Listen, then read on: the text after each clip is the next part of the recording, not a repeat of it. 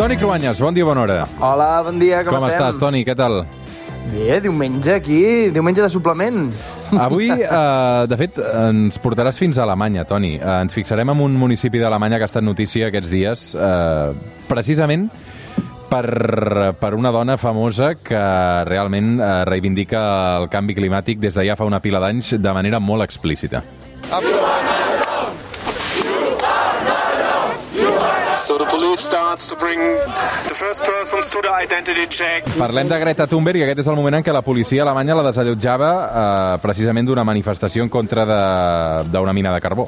Jo crec que és una de les imatges clares de, de, de la setmana. Aquesta setmana ha estat notícia eh, al poble de Lutzerat. És eh, en unes obres que estan expandint una, una mina de carbó, de fet ja fa setmanes, però la imatge de la setmana és aquesta, la detenció, el desallotjament de Greta Thunberg, que es va sumar a les protestes. De fet, han fet la volta al món, eren portada en molts diaris eh, internacionals, també aquí eh, a nivell estatal, al moment en què se l'emportaven els policies. Eh? Clar, a veure, és la líder més mediàtica dels ecologistes i això està passant en un país, en principi, molt conscienciat de la lluita pel medi ambient, fins i tot amb una coalició de govern que integra els verds, i ara, per falta de subministrament energètic, a causa de la guerra d'Ucraïna, està obrint la porta a tornar a una energia fòssil tan antiquada no?, com el carbó.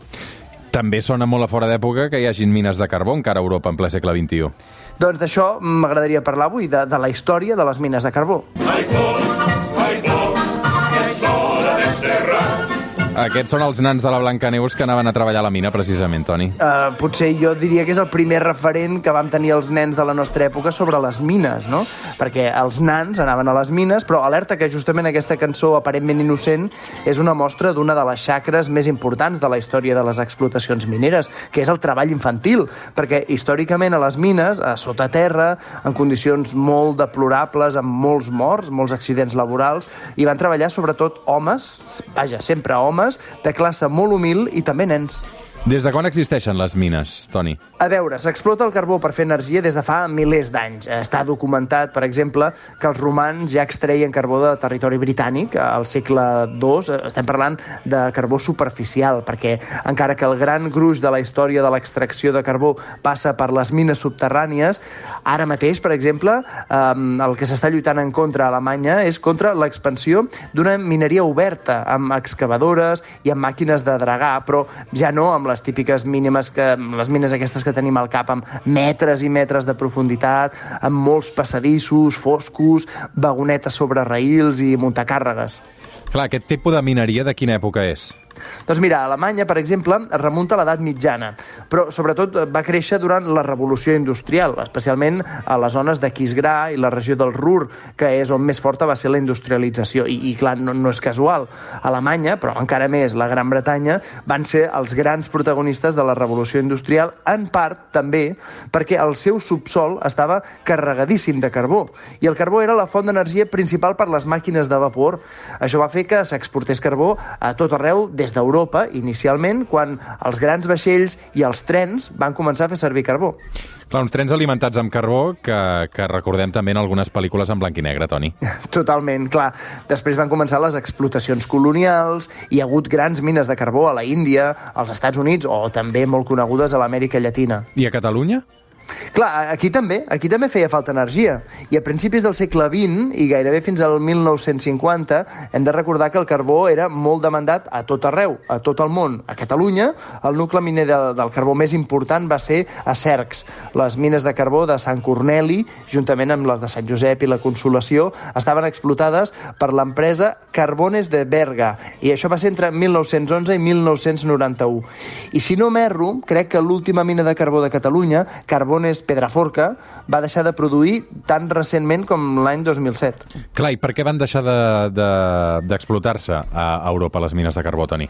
A veure, primer perquè ja no eren rendibles. La principal estocada va ser el petroli, que va substituir el, carbí, el carbó com, com la gran font d'energia.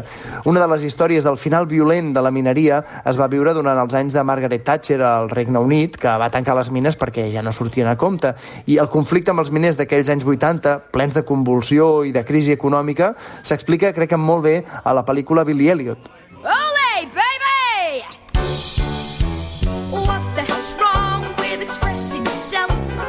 Clar, ens vam quedar amb la història del nen ballarí, però, però el context són les vagues dels miners, Toni.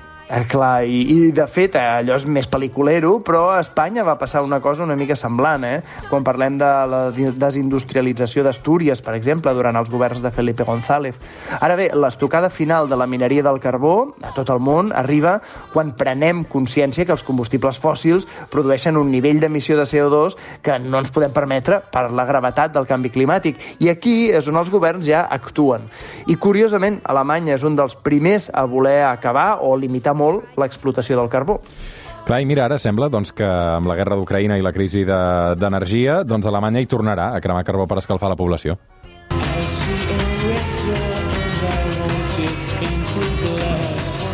Avui arribem a les 9 amb aquesta cançó dels Rolling Stones que eh, diu que ho volen pintar tot de negre. El Paint It Black, negre com el carbó. Uh, bon Home, diumenge. carbó, Sí. anava a dir, te'n recordes també el carbó, una de les coses que tenim més el record del carbó dels reis, no? Sí, si home. portes malament et porten carbó, i el color negre que deixa, no? Són encara algunes de les poques herències culturals d'aquest mineral que ja no forma part de les nostres vides quotidianes. Toni Cruanyes, bon diumenge, descansa, una abraçada. Bon diumenge.